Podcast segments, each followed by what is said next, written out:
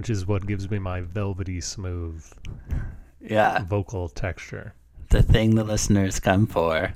Oh, yes. They come for that. They come for presidential facts. And they mostly come for the soothing sound of Dennis Buddy washing over them. Well, I'm not a crook.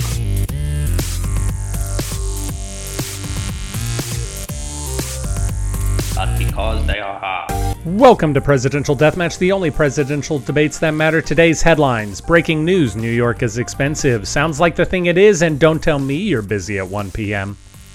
Today, we discuss which candidate would make the best improviser, Pa Ferguson or Bob Dole. All that and more on today's Presidential Deathmatch.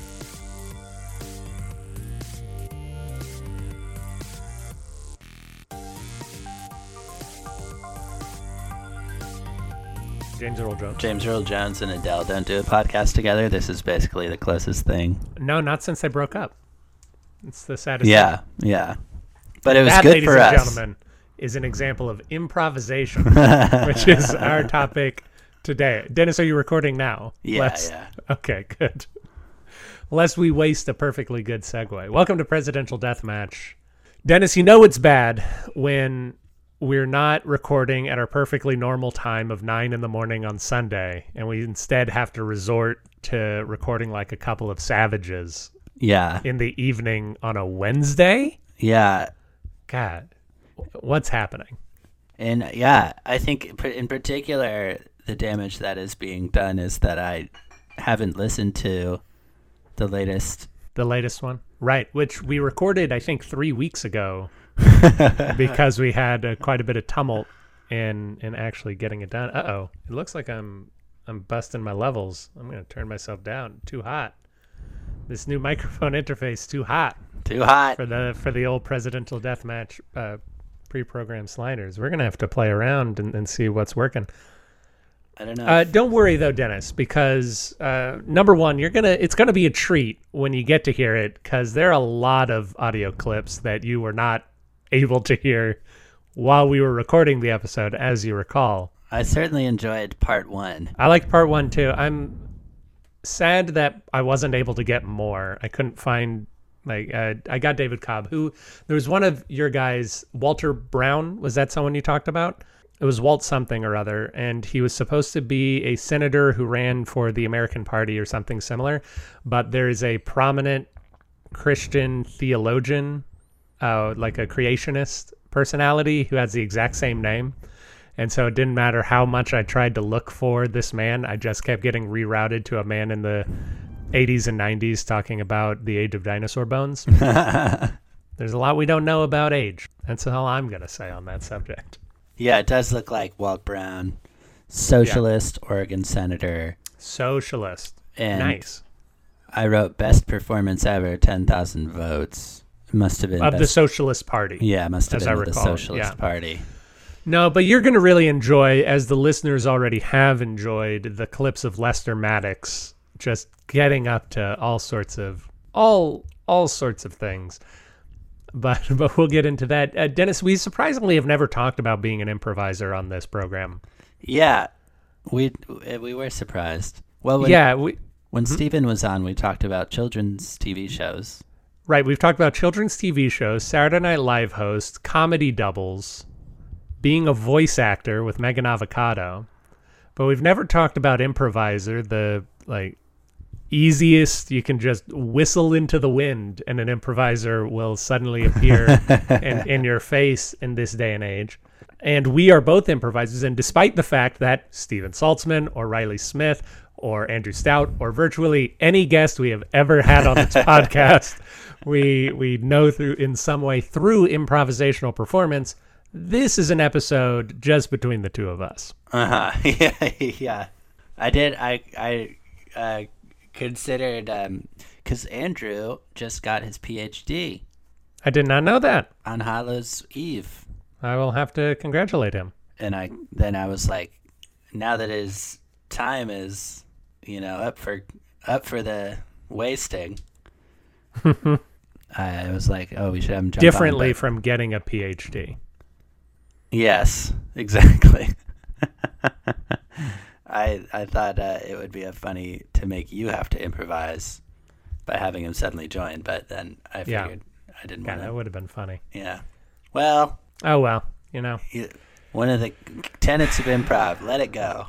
let it go, Let it which go is going to be on. important when I talk about Bob Dole later on today. But Dennis, who are you talking about? I'm talking about Pa Ferguson, Mm-hmm. uh, whose real name is James Edward Ferguson Jr. Now, if I'm not mistaken, I might be stepping on your toes because I I read ten minutes ago that you were using this man, and I thought, isn't he a Texas governor? Did he run for Yeah. president? Okay. Yeah, yeah, yeah, yeah. He ran against Warren G. Harding. Ooh, Mr. Gamaliel. Yeah, but it was after all of his governor stuff and and all of his wife's governor stuff, which is the most significant historical part. Right. Um, in the 1920 election, uh, with the American Party, but it's not the American Party like that we know. It's the American Party like that he made up. oh, okay. So, so- just one of the many American parties. Yes. Yes, indeed. Just because that that's what he did. He just tried. He was always just trying to do things to get power. You know, like all these guys. Yeah, for sure. So, pres- presumably, you plan to talk later on today about his wife's stuff. Yeah, I'll bring it up. Okay, then I I, won't mention it now. I think it's very interesting and also very strange. Yeah, But yeah, and it it's really at the crux of the his the highlighting the way that he just improvised his way as high as he could go all the time. up until he hit that glass ceiling of corruption. But that's a story for later on in this episode. Uh, I am, of course, talking about Bob Dole, a man almost as old as Pa Ferguson, who was governor in the 19 teens. So that joke lands for everybody. Bob Dole was born in 1923 and he, he died last year in 2021. I found out in the research that he died in December and he wasn't buried until February of 2022, which I find odd. But I, I'm not a I'm not an expert at burying people. Well, in in uh, Chester, Vermont, where my mom lives now, there's a, a a crypt for where they used to keep bodies for the whole winter. Right, because but we've got We've come a long way. we've got backhoes now. Yeah. yeah. we can. Yeah, Old man winter isn't freezing our our earth such that we can't move it anymore. At least not most of the time. there's also a hearse that, uh, like an old old hearse that the wheels come off to be replaced with skis. Oh, that's cool. Yeah, Yeah.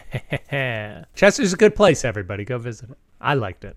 Get yourself a walking taco. Bob Dole ran against Bill Clinton in 1996 and soundly lost it. Uh, he's also, I think, one of those guys who just wants power. He was the vice presidential nominee in 1976, and then he ran for the Republican nomination in 80, 88, and 96. So every time that there wasn't an incumbent Republican president. He he ran for the nomination, finally getting it in '96. I, I think he's our funniest Republican presidential nominee since Calvin Coolidge. And I I know what you're gonna say, Dennis. I know you're gonna say, what about Ronald Reagan? Ronald Reagan's not funny. I've seen the man try to make a joke. He doesn't make me laugh one bit. And I know what you're gonna say after that. Richard Nixon on laughing, also not funny. I disagree with your premise. You've said it was funny in the past. You're wrong. He, he was awkward on that it. performance. Sock it to me? It's not good. Uh, Bob Dole's got a lot of wit, uh, a lot of funny one-liners, and he's he's not afraid of poking fun at himself. So those are the the themes we're going to explore. he doesn't top Coolidge though. I appreciate you pointing that Yeah. out. Yeah. Now I briefly thought, am I going to go for broke on on making this funny argument? No, no, no. Calvin Coolidge takes it every time in a walk. Because he chooses not to run. yeah, you're much more clever than I am. I have with that, on that- a T-shirt. So that, that just happens So you're very- confronted with it. Yeah, confronted with it regularly. uh, but it's on. Uh, it's time for us to attach the autumnal skis to the retraction box so that it can slip down the the, the winding toboggan path.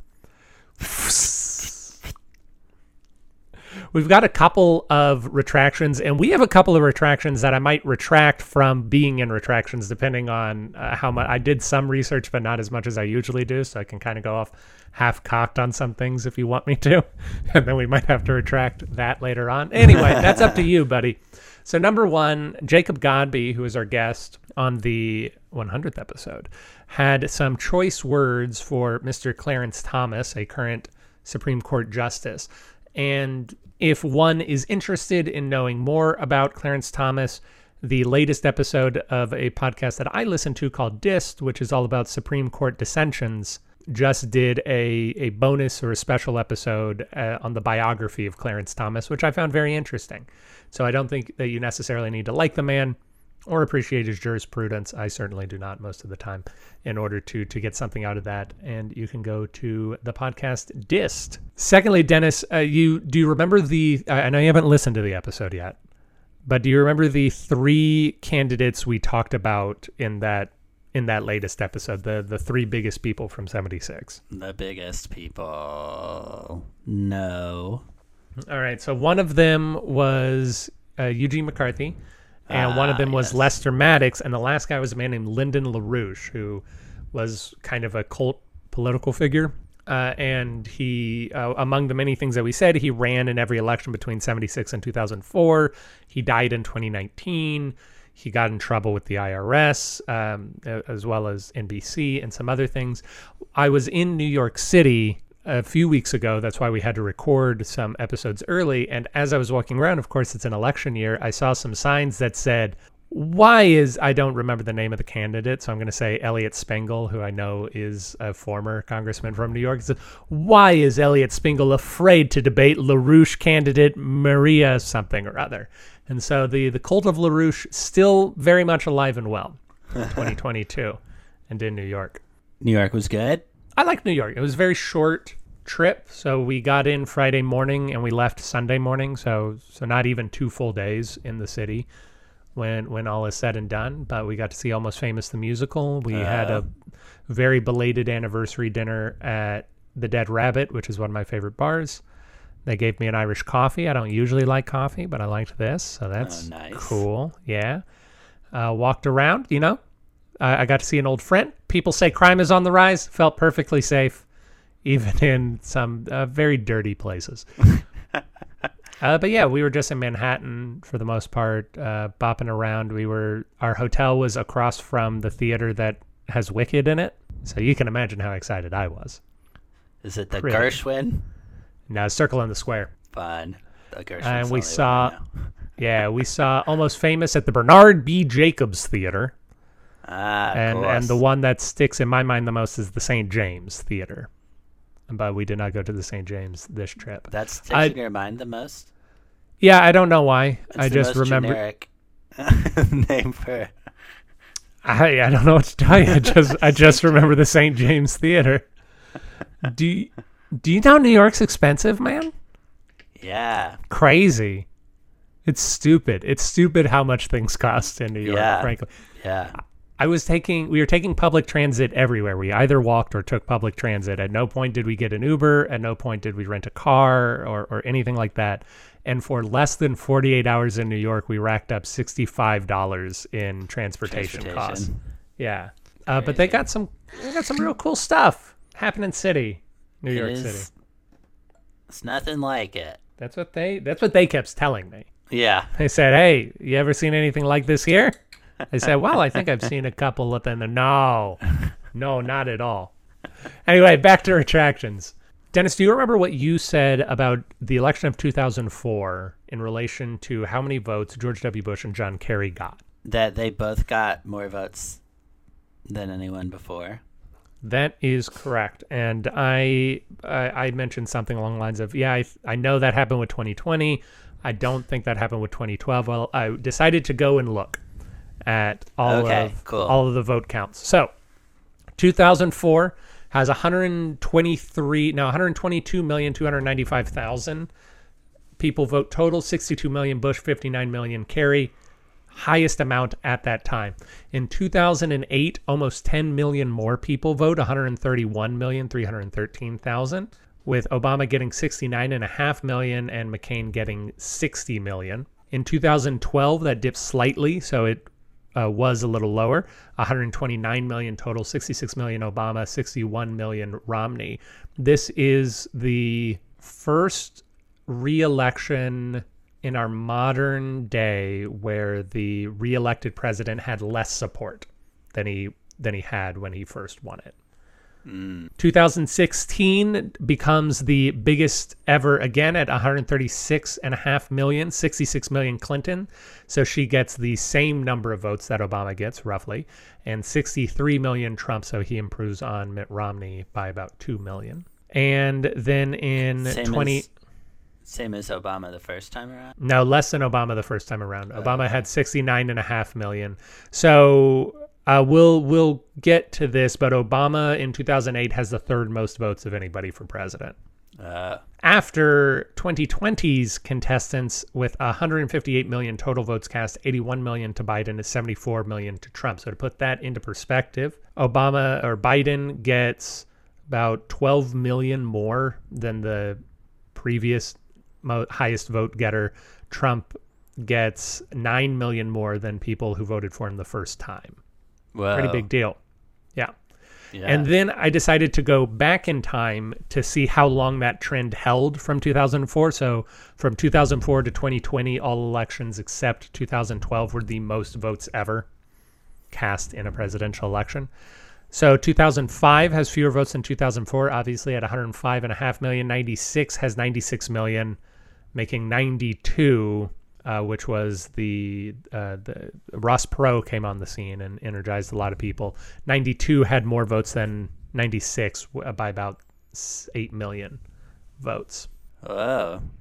I was looking at Texas Monthly Archives and Ross Perot's on the cover from the my birth month. I believe it. June. That actually makes perfect. Yeah. 92. Yeah. Yeah. that'd be the perfect time for Ross Perot. But it's a cartoon. He looks like he's in Mad Magazine. No, that's how he looks. it's the darndest thing. Yeah, yeah. That's just he's a tiny East Texas man. Dennis, I decided to do some research on Bush versus Gore, which was the Supreme Court decision which halted recounts of votes in Florida in 2000, guaranteeing the election for George W. Bush. I didn't do a lot of looking in tons of different places. I only looked in two or three different places for the reporting on it, so it's a little bit less than I would usually do and I did all of this research about two and a half weeks ago and didn't take any notes. So I'd really be going from memory. So my question to you is: Do you want to hear my half-remembered thoughts about Bush v. Gore? Yeah. Okay. So Bush v. Gore, highly contentious Supreme Court decision, one that I certainly like. I I can say that in 2004, I had a pretty good idea of what was going on in the presidential election. I don't remember anything from 2000 about the tumult that that that election was. I don't remember recounts in Florida. I don't remember the Supreme Court decision. Like I think 9-year-old Aaron was just not caring about any of that at the time. Yeah. The only thing I remember is like uh, them playing footage of people counting votes really fast. Yeah. so I, I'm sure everybody knows that uh, one of the main prob there's a thing called undervotes. So there were a lot of counties in which there were suspicious number of undervotes, which is the county voted less than its voter roll would suggest. And this was because of a thing called hanging chads, which I think uh, a lot of people know about. But basically, the ballot for Florida was a little bit confusing. Some people didn't punch the hole in all the way because it read like an old school computer punch card. You would punch holes in the thing and it would feed and it would uh, register your vote. So on election night, it was called for Bush by a couple of hundred votes. And then when it went to recount, it switched over to Gore by a margin of less than 100 votes. I think it was 60 something votes. And then another recount gave it back to Bush, and just they kept doing recounts and kept not getting the same numbers. Now, the problem is that by Florida Constitution standards, the vote had to be certified by December 14th, I think it was, but it was mid December, about a month after the election took place.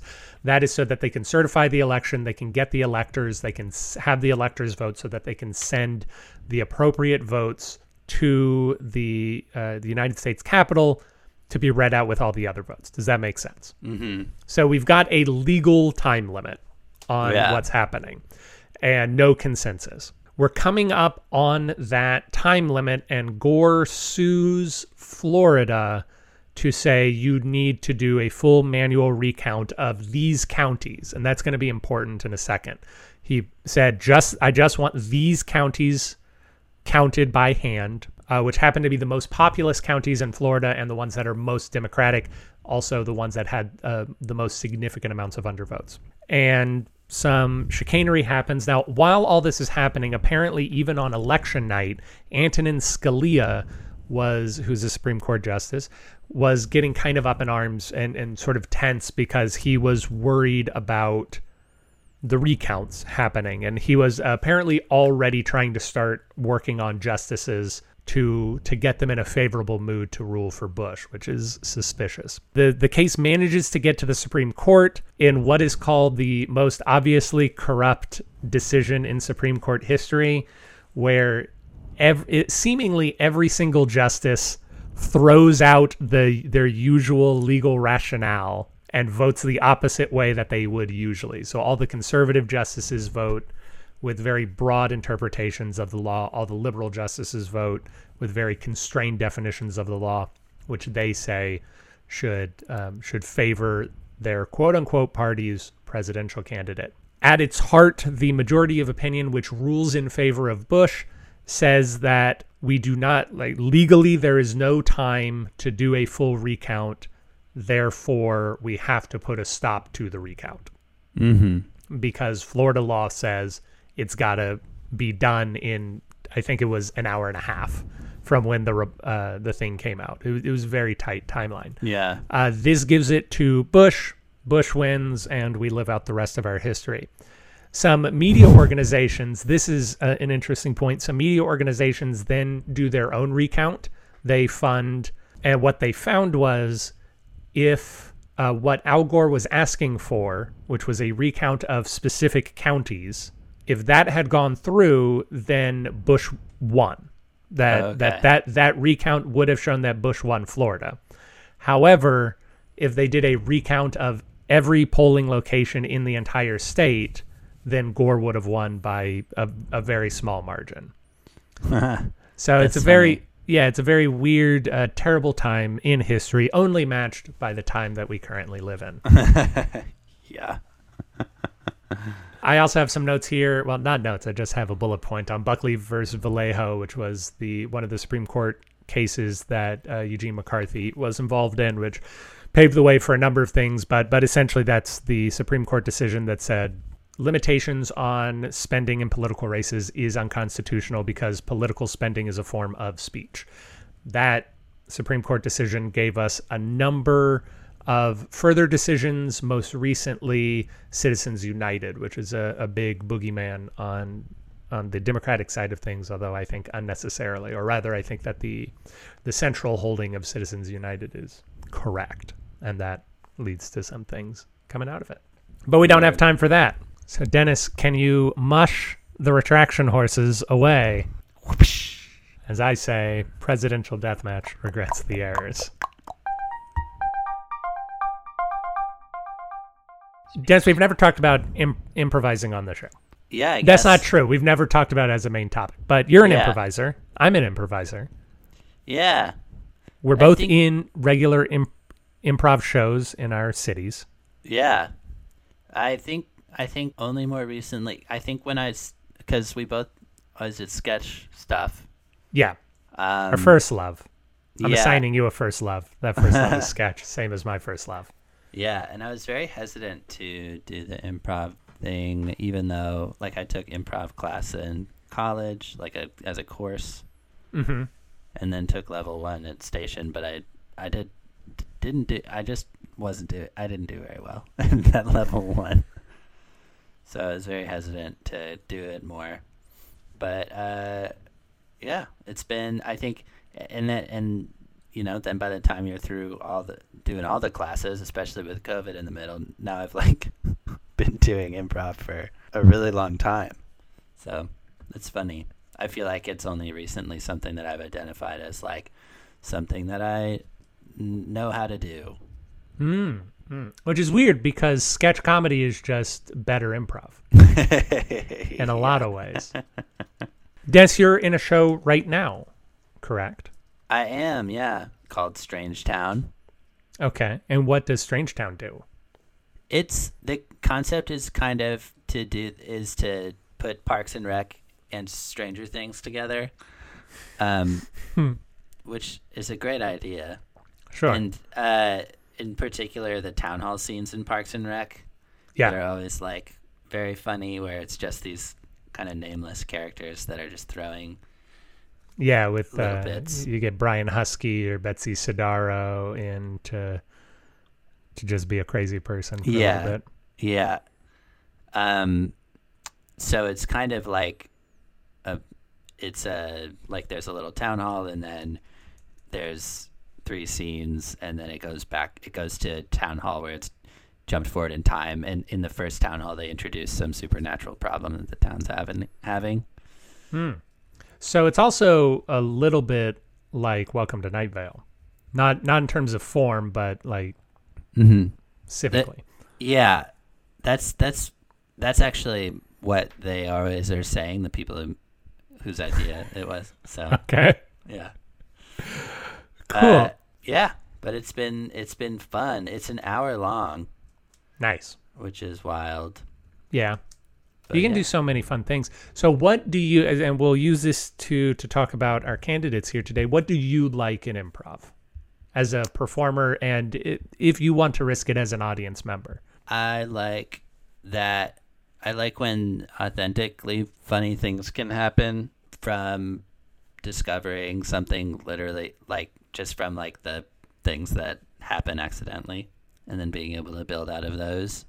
Though I think that sometimes can turn into like just uh, picking on the other person kind of and the things that are on stage which can go down uh, the wrong path but like yeah i think if you're if you're just setting having two people who are just like in a world and kind of acting it only takes two seconds for like a natural conflict or a natural hiccup to happen and and then you can capitalize on it I think that uh, so so one of the reasons I chose Bob Dole as as my guy today is that he he's just a very dry wit. He's a very quick wit, which I think allows him to capitalize on some of those oddities that are happening. But he usually turns them around in on himself. There's a a particular uh, fun one that I like, which is he runs for president in 1980, a Repub- Republican nomination. He does terrible, absolutely terribly and a reporter asks him, "Hey, how'd that feel?" And he says, "Well, I slept like a baby. Every two hours, I woke up and cried," which is, I think, very funny. yeah But he's always got, uh, in a lot of ways, Bob Dole's a better stand-up than he is an improviser. But we got to work with what we got here today, Uh-huh. you know. And and I think Bob Dole's just going to have that that ability to to come in to come into a situation and and react to it, which I think is useful for an improviser. Yeah. Off the cuff. Pa Ferguson is that way, maybe in a more uh, high level way. He just well, he's a populist, I would say. Like when he he was got involved in politics kind of just because he was he was a banker in town and so kind of just at the center of things. And then when it when he decided to actually run for something, um, it turned out that he was always winning in all of these like debates that were happening. So he was just good at the speak speaking part of it, at the riling the crowd. At, he was good with an audience, kind of thing. I think it also shows, which is I kind of I feel like that's in a way maybe at the center of what we when we say populism, what we mean. Um, yeah reacting to we, we we tend to mean a person whose policies are not derived from a core ideology but instead from what the people around want and so it's hard to predict and it can change on a dime and it's usually involves stoking fear or something else but but yeah Yeah. Uh, But th- there's been like a populist party at certain times in the past, hasn't there? yes there has although it's not the same word Yeah. right? In the same way that Bob Ferguson's American Party doesn't necessarily rep represent the core values of America, the Populist Party of the late 1800s was of of the people. It was of farmers. Right. But yeah, yeah, yeah. Because cause populism, I feel like can't be like an ideology you're claiming. Really, it can be No. one that gets that gets identified. Like, Yeah. yeah, like Tr- Trump is a populist. Yeah, Trump is a populist. Uh, Bernie Sanders is a populist. Yeah, yeah, in a lot of ways, less He's- ways, but a lot yeah. Like he, he's fairly ideolog- ideologically like uh, consistent, but he also it's very like uh, it's very like audience oriented. right content. now. I feel like both of the two men we just described would be bad improvisers. Yeah, Well, Trump's just not a team player. I think we can all agree on that. yeah, yeah. And I think Bernie Sanders probably just really keeps trying to bring the scene around to the one thing that he thinks is funny or the one thing that he's trying to talk about, right? Yeah. Yeah. Which a lot of practiced politicians would fall into that trap. Yeah, for sure. A lot of politicians are too marzipan esque to uh, re- have the like vulnerability and spontaneity that, Yeah, that yeah. true improv requires. I'm I'm struggling to think of any politician that I think would be legitimately good at improv. Maybe Ed Markey, who's a current senator from Massachusetts. He's kind of old, but he he can roll with punches pretty well. And that part of it, like with like you're saying with Trump, like he's not enough of a team player, like he's not a listener. Mm-hmm. But he the part of it where he he makes it he owns whatever is is happening. He is that is a quality that is important, and I th- that part of it he he would have pretty well. I I think he's the sort of guy who's gonna, not to put too fine a point on it, deny the reality of the scene Yeah, yeah, to make it whatever he wants to be. Like as long as people are feeding into what he wants to talk about, I think he can do it. yeah. But I yeah. but I don't think he can just come in into uh into yeah, a scene. yeah. That's a big things. as long as yeah. Now, yeah, exactly. So Yeah. so one one uh, fairly large drawback I think for Mr. Dole is going to be that he's really got the one character. And you know, if he's in a montage or if he's in a Harold or uh, even a La Ronde, like if he's in a La Ronde, he just has to play that one character. He's going to be okay, but he's always going to be Bob Dole. He's Yeah. going to talk in this voice, and the jokes are going to work for this pattern, and it's going to be okay. Yeah, I feel like I have that problem. You you like add certain attitudes. I wouldn't say that you're playing the same character. I think you've got your your fastball, your special pitch that you like to throw as frequently as you can. but if the situation demands it, I think you respond differently. But hey, I don't know. I feel I struggle with characters, and especially just like if a scene starts rolling and there's something funny to latch on to, it, be Mm-hmm. it becomes more like important, and then I worry, and then I can lose sometimes I the see. character I was I was doing. what about you? How's uh how like how's I feel like I haven't heard about um Pronoia Lying shows? Yeah, Pronoia shows recently. Yeah, so they're they're okay. Magical Lying Hour. So uh, we've been doing Magical Lying Hour eight years now. Eight years, yeah, uh, over eight years, about eight and a half years, and I keep finding new things to try and tune up in the show. And the thing that I'm focused right now on is endings, and the thing that I've noticed that improvisers aren't trying to end their scenes, which Uh-huh. in some way makes sense because they don't know how long their scene is supposed to be Yeah. but they they're they're not delivering closure for their characters, which means it's hard to finish a scene satisfactorily. Yeah. That- that's what I'm uh, attempting to work on. Uh, but someone who had a very clear ending is Bob Dole, who resigned from his.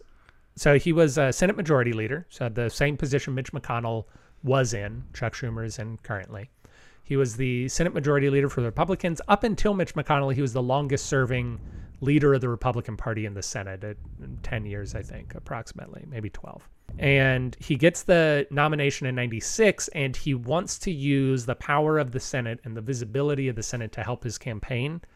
But Senate Democrats use a lot of procedural tricks to limit his ability to do that. So he ends up resigning from the Senate in 1996 to run for president full time, saying that uh, it's time for him to either go to the White House or go home.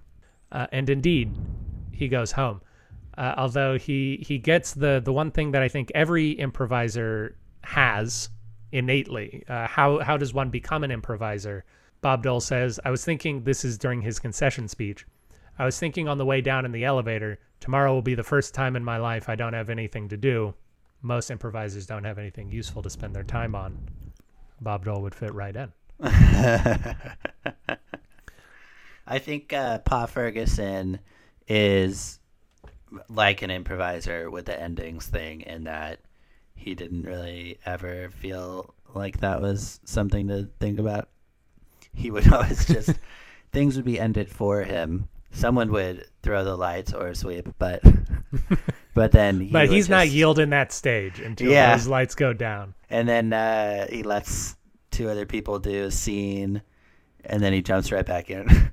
Yeah, well, let's expand that metaphor. Why don't you talk about Pa Ferguson and also about Ma Ferguson? Yeah, so so Pa Ferguson then whispers uh, his idea to the person next to him in the wing and says that they have to go do that scene because um, it's gonna be really funny, but he's been in too many scenes. And that person is like, "Well, I guess since I'm your wife and it is 1935, I should do that." And that was the story of Ma Ferguson, who missed being the first governor, female governor in all of America by 15 days hmm to someone who wasn't even elected, to someone who was appointed in Wy- Wyoming. But I, yeah, but I think they technically like started at the same time. So, hmm. but yeah, she like campaigned like very awesome, very cool that she is first female governor. But she did campaign basically. They would introduce her, and then she would introduce her husband, and then he would talk. So the reason that she's running instead of him was because he had been impeached. So he ran and then he was reelected and he was pretty corrupt. And it was becoming increasingly clear that he was pardoning people. Maybe if they paid him maybe if they hmm. were his friend. He was get he was giving people positions that maybe he promised them because of ways that they helped him during the election. And then he at one point needs to boot someone for that very purpose of giving a friend that position. And his friend had no experience. It was a like an archivist and the person who had the job was very very experienced. And so that actually caused like a bit of a it caused people to sort of notice and that uh, eventually led to his impeachment that it was like you can't just like choose whoever you want for everything. Um, i think that combined with he was also trying to get revenge on someone who ran against him by getting them removed from their position i believe. Hmm. And it's weird because like him just trying to trying and failing to get someone removed from a position seems like a weird thing to get impeached for but like he was it it was an it was enough. There was like 20 different counts of of infractions and someone found a million dollars that seemed to have arrived in his pocket at some point so it was a bit of a Honestly, mess yeah, all of these things have happened in improv theaters at one time or another. They are not so much corrupt organizations, but extraordinarily poorly run organizations by people who frequently play favors with uh, with the community. Yeah, yeah. I mean, tangential, but yeah, certainly we were both front row seats for the sort of like Me Too movement fallout of of like improv theaters across the entire country. Yeah, It's first I because there's such tight knit communities, I guess, and just the right size. It's basically like, and because it's such a vulnerable environment, it's a kind of like at the mm-hmm. center of everything is vulnerability. So it was it was like nuts. Yeah, stage time is hard to come by, especially in certain markets. So you want to be friends with people. There's a lot Yeah. of teacher student stuff. Yeah, because everyone's the same age and Right. and stuff, so it's not like a weird thing to be a teacher and a student who end up dating in the same way it is in other contexts. Right. But but there's still like a power thing, so there's something. But yeah, a lot of uh, theaters fell apart or you know split and stuff. hmm Or just fights. There were a lot of fights. Yeah, UCB closed due to money mismanagement, or didn't fully close, but they shuttered a lot of their locations, including all of their locations in New York, due to Oh, money really? mismanagement. hmm Yes, for sure. And uh, Steven, who's of course appeared on this program, uh, used to run a theater in Houston. He also is a graduate of the Second City program, and I am a person who works in live production professionally. My job is to make sure shows happen. And so I would often lament how poorly certain things were run at uh, the theater in Houston. And he would say something along the lines of, Yeah, I thought it'd be more professional when I went to Second City, but it's Yeah. not. It, there's just more money.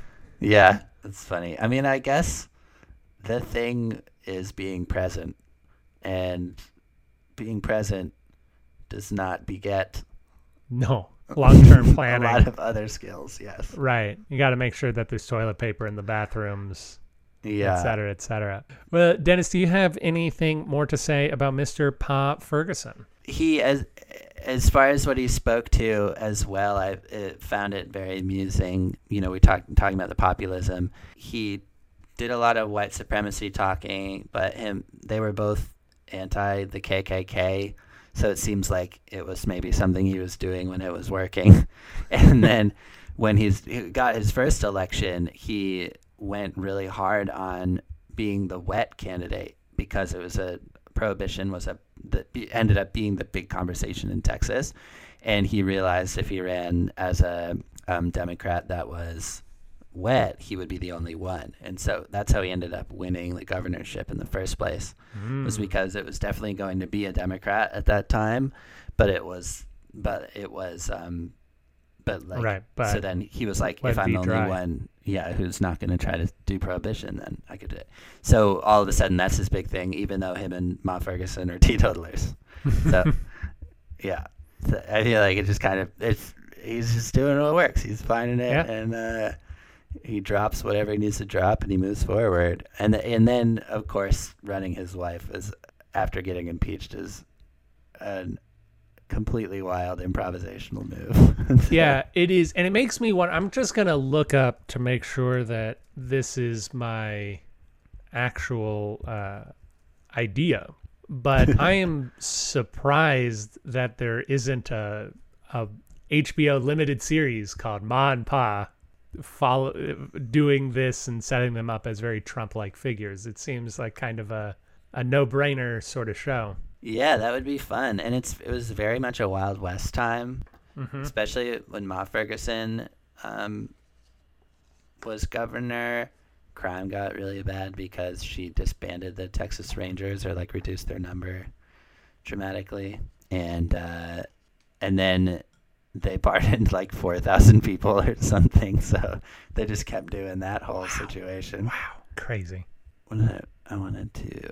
The last thing I'll, I'll say about him that I do think he has a comedic flair, hmm um, because he named his children, obviously with the help of uh, Ma God. Oh, and God. Ma, Ma was a good one. Yeah. I'm just trying to find it.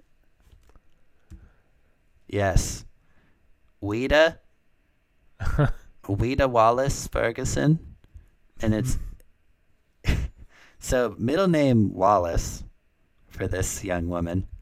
Yeah. And the Not name an uncommon uh, women, woman's name. Wallace. Yeah. Yeah. I've I've met a Wallace or two. Really? Mhm. Oh my gosh, that's hilarious. we should have one on the pod. All right. Uh, hey, if you're a female Wallace out there, reach out. It's just that easy. But first name Ouida, I don't know if I've seen that one before. O U No, I- I D A. Yeah, I have not not seen that. Ui- O-U-I-D. Ouida. And then their other child was Dorrace Watt Ferguson. Um, but Doris spelled like Horace. It's like it's D O R R A C E, which I Mhm. also just find super Yeah. amusing. Unusual. So comedic flair. There you have it. What I will say about Mr. Bob Dole is that I think he, I think he is the only person that we've talked about fully this season, choosing my words carefully here, who has been professionally funny. There have been a lot of comedians to run for president, and I know that we talked about uh, Pat Paulsen at last year's Stocking Stuffers. yeah. He is not officially on the list Yeah, yeah. but Bob Dole, after he loses the election, becomes a spokesperson for a number of products and stars in humorous commercials that kind of poke fun at his his whole attitude. Memorably, Dennis, did, did, did you know that Viagra only came on the market in 1998? I learned this while researching this episode. It feels like a medicine that should have been around forever. And by forever, I mean the late 80s. the late 80s. I guess I don't know what I would have guessed, but I don't I don't feel too surprised by 98. I think I would have guessed sometime in the 70s or the 80s if it were me. But but Viagra first comes out onto the market in 1998 and they are struggling to get the message that hey, this thing makes your penis work to the American people. So they hire Bob Dole to be their spokesperson who's just recently lost a presidential election. And the the commercial itself that he is in is very touching. Like, it's a very serious commercial where he comes out and says, "Well, I know a thing or two about courage." We didn't talk about this. Bob Dole was a World War II veteran uh, who sustained such heavy damages in uh, in the battlefield that he was left for dead because they assumed that he could not survive Wow. and he was paralyzed from the neck down for a while until he got rehabilitation, et cetera, et cetera. It's a it's a very big, great, moving story, but it does not fit in with the idea of him as an improviser, and so we largely skipped it. But he says, "I know a thing about courage, and uh, you know." When when I had prostate cancer, my first concern was beating that cancer, but there were some other things too. And I feel like a lot of men don't want to talk about erectile dysfunction, but it's something that's important to a lot of you, and it just takes a little bit of courage to talk about it and to maybe find a, a road to a road past it. And then Viagra. Uh, so he is a Viagra spokesman for several years following his his defeat in the presidential election, and then in 2001 for the Super Bowl, Pepsi hires him and they shoot a commercial that looks very similar to a Viagra commercial. where Bob Dole says, uh, I'll probably play some of it in just a moment. Hi, I'm Bob Dole, and I've always spoken to you frankly, no matter what the subject. That's why I'm eager to tell you about a product that put real joy back in my life. It helps me feel youthful, vigorous, and most importantly, vital again. What is this amazing product? My faithful little blue friend, an ice cold Pepsi Cola. Are the revitalizing effects of Pepsi Uh, so so he's he's a funny guy, and I'm gonna try and play some of his jokes. There's another really uh, good joke. I'm not gonna play this one because it's a little slow to to build up. But he loses the presidential election to Bill Clinton, right? A few days before Clinton's second inauguration, he gives Bob Dole the Presidential Medal of uh, Freedom, which is the highest honor the president can give somebody. So it's the week of inauguration in D.C., and Bob Dole is attending the ceremony to get this uh, award. And it's customary for the person receiving the award to get up and speak. And so he gets up at the podium and he says, uh, I, Robert J. Dole, do solemnly swear to. Oh, sorry. I thought this was another speech. I was planning on giving another speech here this week. oh no. Uh, finally, two quotes, one from Mr. Dole and one from current President Joe Biden. The Bob Dole says in relation to to the trauma he experienced in World War One and the doctor who helped him through his therapy. Kelikian inspired me to focus on what I had left and what I could do with it rather than complaining what had been lost, which I think is a, at its best, that's what improvisation is about. It's not Yeah. getting bogged down in the ideas that you had that you can no longer do because somebody threw them all out the window by saying something. It's about focusing on what you can do in this scene with what has been created. And then Joe Biden said in a an address uh, following the the death of Bob Dole, of course, Bob Dole is in the Senate from the early 60s until 1996, and so he served with Biden for 20 some years in the Senate. Joe Biden says, To me, he was also a friend whom I could look to for trusted guidance or a humorous line at just the right moment to settle frayed nerves, which I think is also a good idea for improvisers to be able to do. Yeah. Well, Dennis, where can people catch your improv show and how long can they catch it for? It is the next three Sundays, in addition to last Sunday. But that one is too late. That's true. Um, and I won't be at this one because will be at Barbecue Festival. Right, but this isn't even coming out for a week, so they will have actually missed half of the run of Ah. the show by the time this episode comes The out. next two Sundays at 1 p.m. What? Don't tell me you busy at 1 p.m. on a Sunday. Your show's at 1 p.m.? yeah, it's. I don't really know what the deal is with that. Maybe it's just, uh, you know, didn't didn't earn prime time. It is at. They didn't have uh, the theater space at the time. Also, Mm-hmm. that they just that they just got. Okay. So it's at this very funky, amusing venue called Game On, uh, Is that which is the- a It's a what? it's a maybe it's what you going to say. It's a game show like place. So, Yeah. like, Is Alex, right? uh, Jake, Jake, Jake, um, Jake, the window yeah, washer. exactly. Yeah. Yeah. Yeah. So basically, him and his a couple of his friends who I did improv stuff classes with have gotten have become very much like the people who run that place. Oh, cool. was- and so they turned it into also a theater that always streams everything on Twitch in addition to having an audience. Is kind of their different angle on it. Well, very cool. But I think because it's also a game show place, they um, maybe that's part of the reason it's at a funny time. Yeah, that makes sense. It's all those Sunday night game show. I know I love watching Card Sharks Sunday nights. well, you can see Dennis the next two Sundays, a game on in Austin, Texas. Or if you want to see some improv in Houston, you can see that on the second Friday of every month at Eureka Heights Brewing Company here in Bayou City. Woo! That was fun when I joined for that. Yeah, it was real fun. And if you come, maybe you can join the show. I doubt it, but hey. Hey. All right, everybody.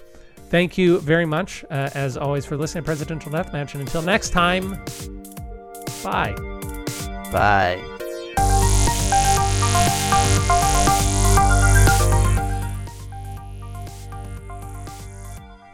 Thank you for listening to Presidential Deathmatch. Presidential Deathmatch is hosted by Aaron Garrett and Dennis Buddy and edited by Aaron Garrett. If you like the show, please consider giving us a review wherever it is. You can do that, we'd really appreciate it. If you didn't like listening to the show, well, why don't you come on back and give us another try? We really grow on you. If you want to reach out to us, you can do that at contact at pronoiatheater.com. You can also support the show in a variety of ways, including at pronoiatheater.com slash store. We hope you enjoyed it, and we hope to hear from you soon.